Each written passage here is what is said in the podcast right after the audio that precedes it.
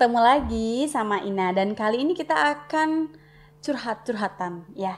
Bareng dokter Dina Rismawati spesialis anak eh, SPA MC alah libet gue ya. Pokoknya dokter Rina Rismawati SPA MSC dan eh, kali ini kita akan curhat soal alergi susu pada bayi.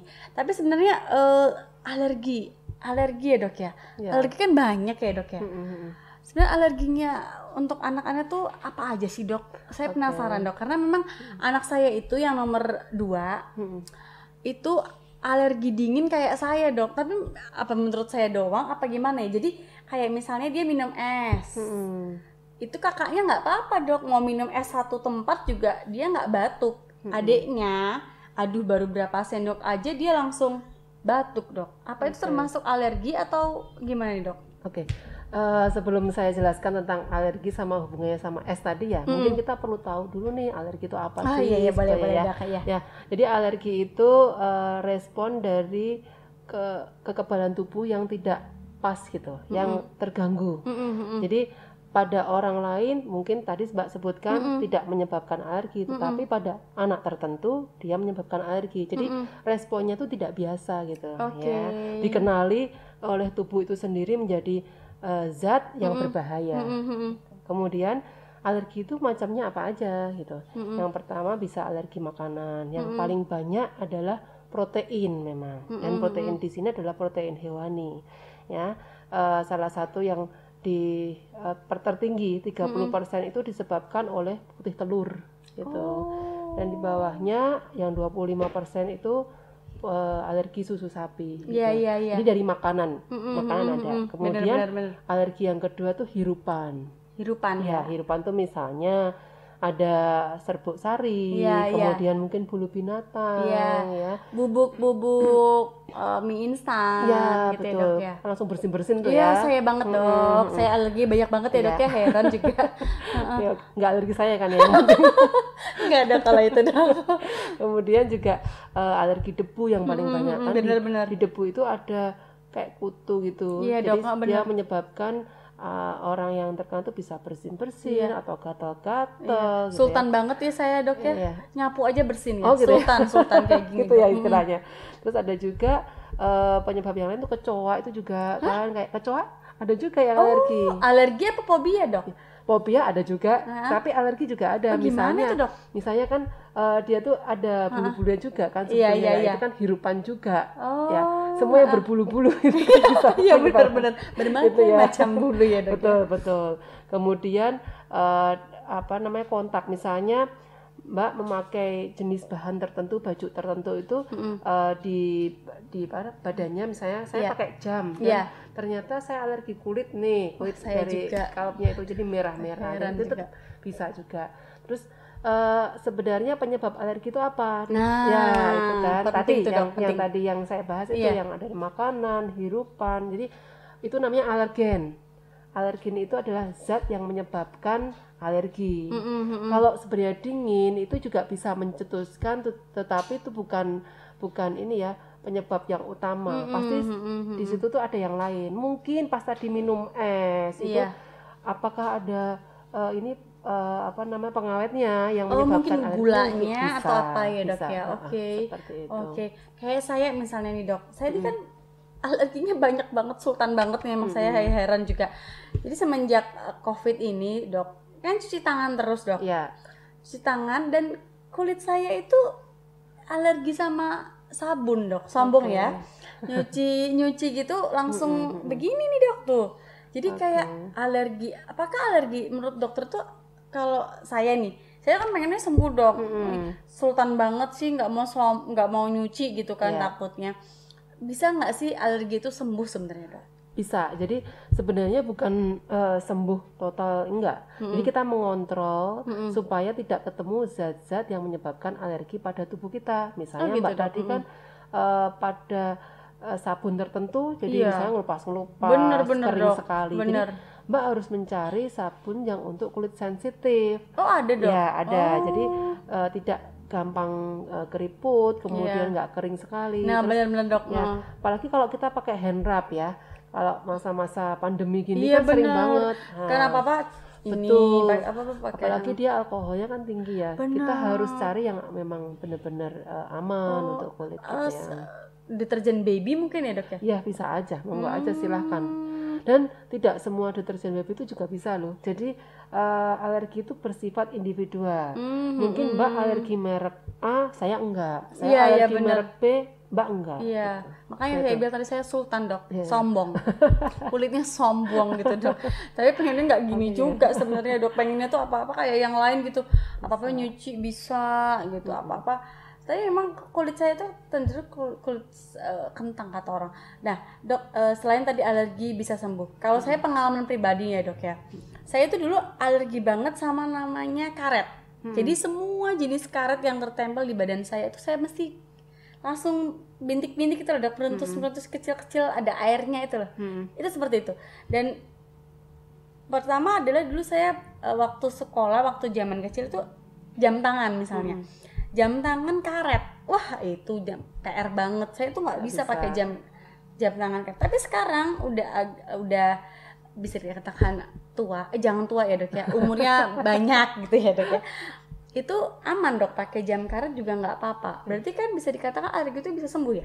Sebenarnya bukan sembuh total ya tapi dia bisa lama-lama ditolerir gitu. Tapi itu pun juga kembali lagi pencetus alerginya apa dulu? Kayak tadi misalnya kita mau membahas alergi susu sapi nih ya. Ya nah susu sapi itu nanti dengan bertambahnya umur sekitar usia tiga tahun itu lama-lama dia bisa hilang sendiri. Tetapi ada juga saya pernah Nah. dapat kasus itu pasien anak umur lima tahun masih juga alergi dari hasil al- eh, tes alerginya gitu. Jadi tetap kita eh, ini individual. Jadi tidak bisa kita ilmunya antara satu pasien ke pasien yang lain tuh kalau untuk alergi berbeda gitu Nah, terkait tadi tuh dok, ada alergi susu sapi. Mm, mm, mm. Nah, pada anak tuh kan beda-beda ya dokter Iya. tadi cerita. Ciri-ciri anak yang alergi Alergi. susu sapi seperti apa sih dok sebenarnya Oke. dok? ya jadi untuk alergi susu sapi itu eh, memang sulit dideteksi Iya ya. benar-benar dok. jadi kan kadang-kadang dia datang tuh usia satu tahun dok ini kok kulit Itu anak baru saya- sadar satu tahun dok. Iya. Oh. kulit anak saya merah-merah terus saya tanya kan ibu makanan apa misalnya Hmm. oh ini yang memang konsisten diminum adalah susu misalnya Mm. susunya apa misalnya merek X gitu ya Mm-mm. nah terus eh, kita analisis nih kan itu terus ya yang di yang di apa namanya yang diminum Ah, dikonsumsi oke. ah. terus kulitnya misalnya merah-merah atau Mm-mm, kering-kering mm-mm, gitu ya mm-mm. nah alergi itu eh, bisa terjadi agak lama juga jadi tidak Hmm. harus saya ketemu alergi sekarang baru minum sekarang munculnya sekarang enggak Oh, jadi ada gitu, yang dok. muncul dalam reaksi lambat jadi setelah beberapa Tahun. tahun atau beberapa Mm-mm. bulan atau beberapa minggu baru Hmm. muncul itu juga banyak sekali makanya kalau oke. orang didiagnosis alergi susu sapi itu kadang-kadang enggak oh, dok ini udah sejak bayi kok gitu lah Mm-mm. dalam hal ini saya mau memahamkan memberi eh, meluruskan ya istilahnya Mm-mm. bahwa alergi susu sapi itu bisa aja terjadi setelah beberapa lama nggak langsung gitu dan jarang sekali yang terjadinya langsung jadi minum langsung alergi Mm-mm. ada juga kasus memang yang paling cepat alergi itu sekitar 15 menit sampai 2 jam minum Oh, terus gitu alergi juga bisa nah Mm-mm. eh, gejala-gejala apa yang bisa kita kenali ya Mm-mm. jadi biasanya dia konsisten nih muncul sering Mm-mm, muncul mm-mm, jadi mm-mm. sudah lama nggak Iya. mungkin sekali langsung kita diagnosis alergi enggak Mm-mm, mm-mm. dan berulang kan Iya, pastinya iya, iya. ya terus kemudian munculnya tuh tertentu misalnya pagi hari tadi kayak semacam anak mbak ya jadi Iya. pas mungkin karena posisinya dia dingin Iya benar Nah, nanti dok. semakin siang semakin nggak apa-apa. nggak apa Ah. gitu dan alergi itu gejalanya nggak nggak hanya di misalnya kulit tadi ya Mm-mm. tapi bisa kena yang lain Iya. misalnya nih eh, di pernafasan bisa batuk pilek juga Iya, benar, gitu. kemudian di pencernaan bisa juga dia kembung Mm-mm. kemudian sulit berak atau Benar, benar. diare juga bisa jadi dia kena ke seluruh tubuh gitu Mm. jadi untuk mengenali ya memang agak sulit kita harus mencari faktor resikonya apakah dia keturunan kah Mm-mm, gitu mm-mm. tapi ada juga yang alergi itu tanpa keturunan juga ada Oh Sekitar- ada dong. iya, Misalnya sekitar- kakaknya nggak apa-apa, adiknya apa-apa gitu. ya misalnya ini saya tanya bu ini kemungkinan alergi susu ya saya tanya ya saya saya diagnosis Mm-mm. gitu saya mau tanya dulu nih di keluarga ibu ada yang eh, alergi susu nggak? Mungkin ayahnya yang berhubungan langsung kan? ayahnya uh, ibunya atau saudara kandungnya. Hmm, hmm. Kalau misal tidak ada uh, riwayat Riwayat. alergi di Hmm, situ, hmm, hmm. itu masih mungkin 15% anaknya alergi. Hmm. Kalau salah satu saudara kandung atau ayah atau ibu Hmm. alergi sekitar 40% anaknya alergi. Kalau Oh, misalnya gitu, tiga-tiganya alergi ya Berarti ya udah Ya udah jawaban lah ya dia pasti Ya, akan terikut sekali. alergi. Mm-mm. Nah, dokter alergi sendiri itu penggantinya apa nanti dok? Misalnya kan dia nggak mungkin dong nggak minum susu kan Mm-mm. kasihan Mm-mm. gitu dok. Misalnya ibunya memang tidak memberikan ASI. Mm-mm. Selain selain eh, tadi tidak memberikan ASI, apa ada pilihan lain dok biar anaknya tetap Oke. bisa mengonsumsi susu? Ya, jadi kalau untuk eh, istilahnya terapinya penanggulangannya ya, kalau untuk bayi-bayi yang beruntung sekali mendapatkan ASI, ASI Mm. eksklusif dalam hal ini, dia bisa diberikan ASI, itu lebih Mm. baik. Tetapi untuk bayi-bayi yang tidak beruntung mendapatkan Mm. ASI, Mm. itu bisa diganti dengan susu eh, untuk alergi susu. Apa itu dok? Jadi eh, ap- ada namanya extensive hydrolyze parsia mas- pa- protein maaf. Jadi dia memang dari protein susu dan sudah dipecah-pecah dari proteinnya Oke. itu. Itu itu berbagai merek udah ada ya Ada zaman sudah sekarang ada. ya. Jadi sehingga protein dengan berat molekul eh, yang kecil Mhm, dia tidak mhm. menimbulkan alergi. Hmm. Ya, ada juga yang dari soya ya mungkin ya yang Nah, orang-orang kenal iya. ya soya yang tuh sekarang ya dok Ya, ya zaman now. Saya taunya juga soya doang. Soya yang doang Tadi ya. susah banget itu nggak kenal dokter. Jadi extensive hydrolyze Mm-mm. uh, protein itu dia sudah sudah dipecah-pecah gitu Mm-mm. proteinnya sehingga tidak menimbulkan uh, alergi Hmm, gitu. Gitu. Tapi Oke. masa penggunaannya nggak lama ya, jadi sekitar enam bulanan. Nanti setelah itu uh, kita harus tetap menguji, di- dikembalikan lagi ke susu biasa. Apakah dia sudah Dia masih bisa alergi nih? Iya. Hmm. Terus sekitar kalau nggak bisa kita tambahkan uh, sekitar tiga bulan, jadi sekitar 9 bulan gitu. Oh gitu. Jadi kan Berarti memang alergi itu masih bisa dicek lagi ya dok ya? Iya. Masih bisa sembuh ya? Iya masih bisa. Jadi uh, dalam hal ini berkurang ya resikonya ya. Mm-mm. Gitu. Ya lumayan sih dok memang harganya kalau susu yang tidak Yang khusus ya. Iya, bunyi dok dompetnya juga kan kasihan orang tuanya ya. Nah dokter eh, ini termasuk mit- mitos atau fakta? Kalau eh, bicara soal alergi, ibu menyusuin misalnya, kita eh, anak dikasih asi. Nah, ketika anak eh, ibunya memakan tadi, misalnya dia alergi susu sapi nih, Iya. ibunya minum susu sapi atau telur, anaknya anaknya betul-betul Ah. alergi itu termasuk beneran atau mitos atau fakta dok? Ya, benar. Jadi misalnya eh, si anak alergi susu Iya. atau alergi Ha-ha. protein Ha-ha. telur, putih Ha-ha. telur ya. Ha-ha. Misalnya ibunya makan dan disusukan ke anaknya, memang bisa alergi. Oh bisa ya Jadi dok ya? alergi susu sapi dalam hal ini bisa eh, pada anak yang memang mengkonsumsi susu, Mm-mm. susu formula, Iya. heeh. atau yang kedua pada anak yang asi eksklusif. Oh bisa Nah, juga dok? Ada anak yang asi Hmm. eksklusif, berarti ibunya harus stop susu, susu ya susu menyusui Hmm. seperti itu. Jadi untuk mengurangi resiko eh, terjadinya alergi karena bisa ini keluar lewat eh, asinya. Oh gitu dok. Gitu. Baru tahu. Mm-mm. Oh pantesan saya pernah tuh anak saya. Mm-mm. Saya kayaknya makan apa? Terus dia minum minum asi, ya Ha. kan? Asi saya kan asi perah dok. Iya, Itu dia agak bentol-bentol gitu dok. Ha. Oh berarti dia karena saya memakan sesuatu yang dia nggak cocok Betul. di ini ya di asi saya ada itu juga ya. kan kasus yang ini Mbak, misalnya bayi-bayi tuh umur Iya. satu bulan dua bulan datang dengan ruam di pipi. Nah yang putih-putih itu dok. Ya, nah, bisa. nah, nah, Atau nah. yang merah-merah itu ya, Ah, yang ah, ah. merah-merah kan kan dikira kalau orang zaman dulu mungkin eyangnya bilang, Mm-mm. "Oh, itu karena terkena Kena asi. asi," Ya. gitu. Sebenarnya bukan seperti itu ya, Mm-mm, tetapi karena ibunya memakan zat yang membuat menyebabkan alergi pada bayinya seperti itu. Bukan karena kecipratan asi jadi merah. Enggak, enggak seperti itu. Mm-mm.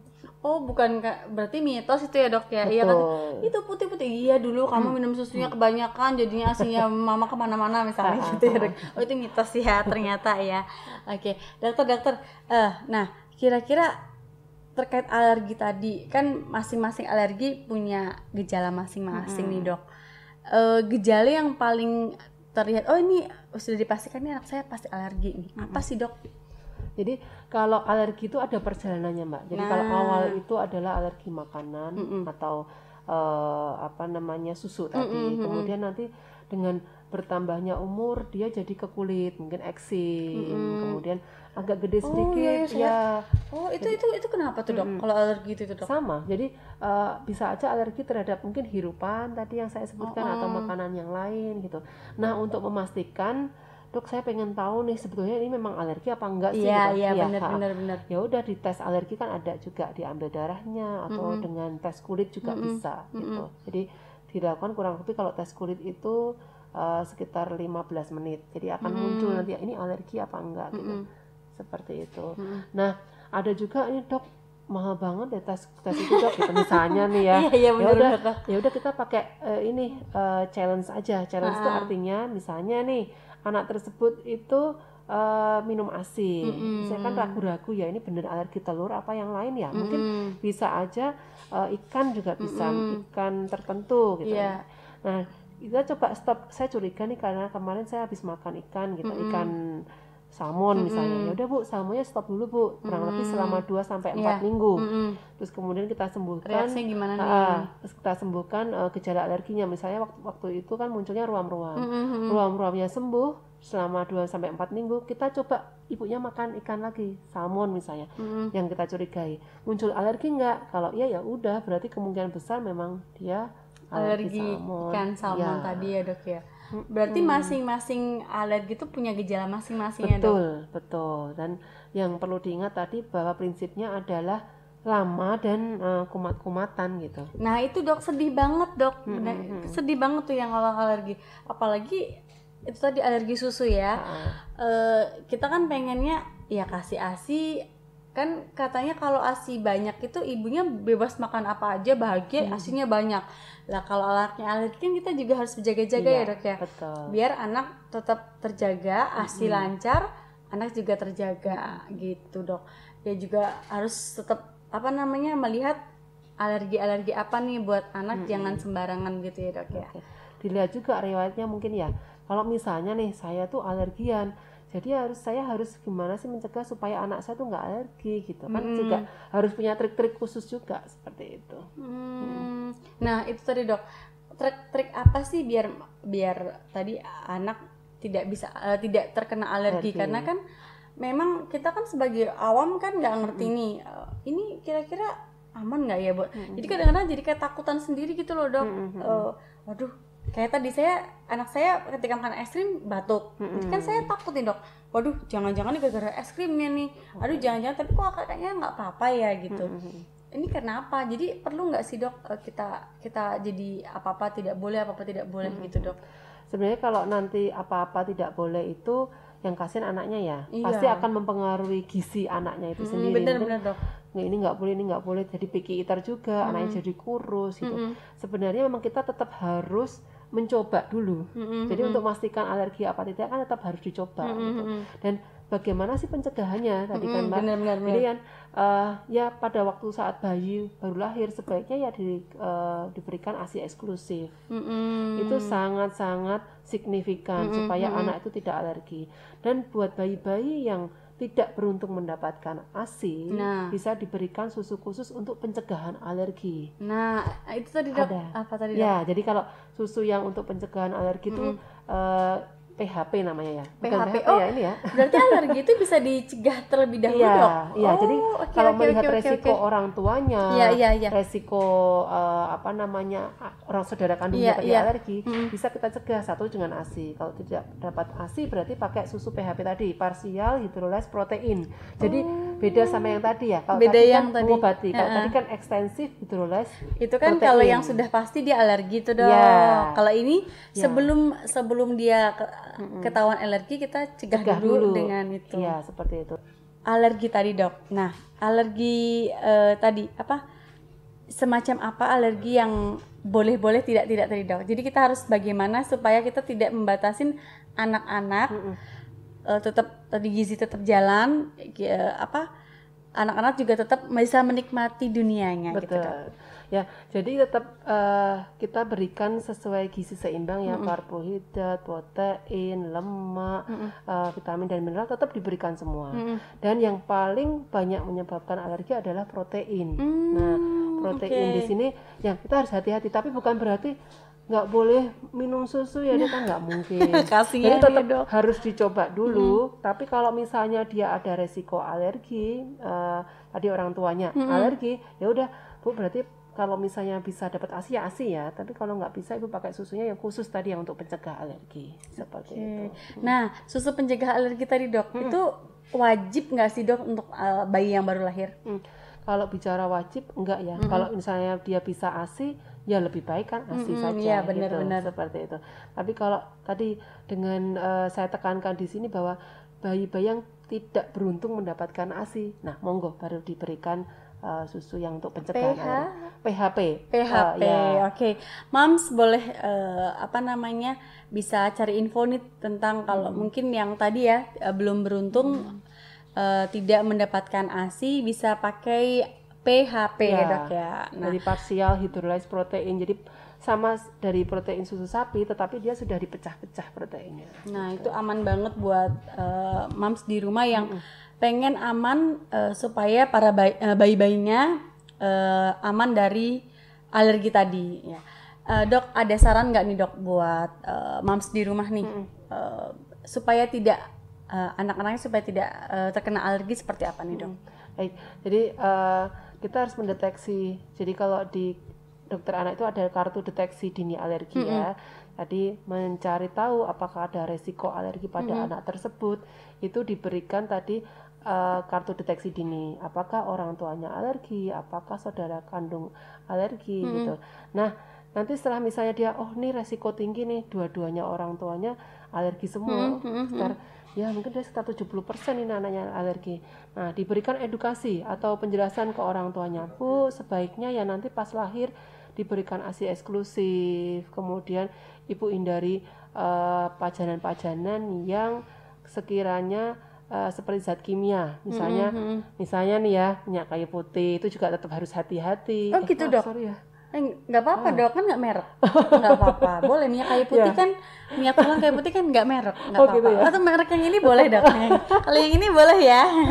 Iya pakai dudul boleh dok Istilahnya tetap kita harus sama zat-zat kimia tetap harus hati-hati. Sabun pun tadi juga seperti oh itu. iya iya tadi kayak saya Ya, tadi ya dok ya. Merek-merek tertentu itu eh, nggak bisa seperti itu. Terus tadi pada saat hamil itu dia eh, tidak mengurangi pajanan terhadap rokok. Saya nih si ayahnya perokok ya lebih baik di stop. Nah. Iya, lebih gitu. baik sayang Iya. anak, sayang istri gitu Betul, ya dok betul, ya. betul, betul, Hmm, hmm, didengerin ya.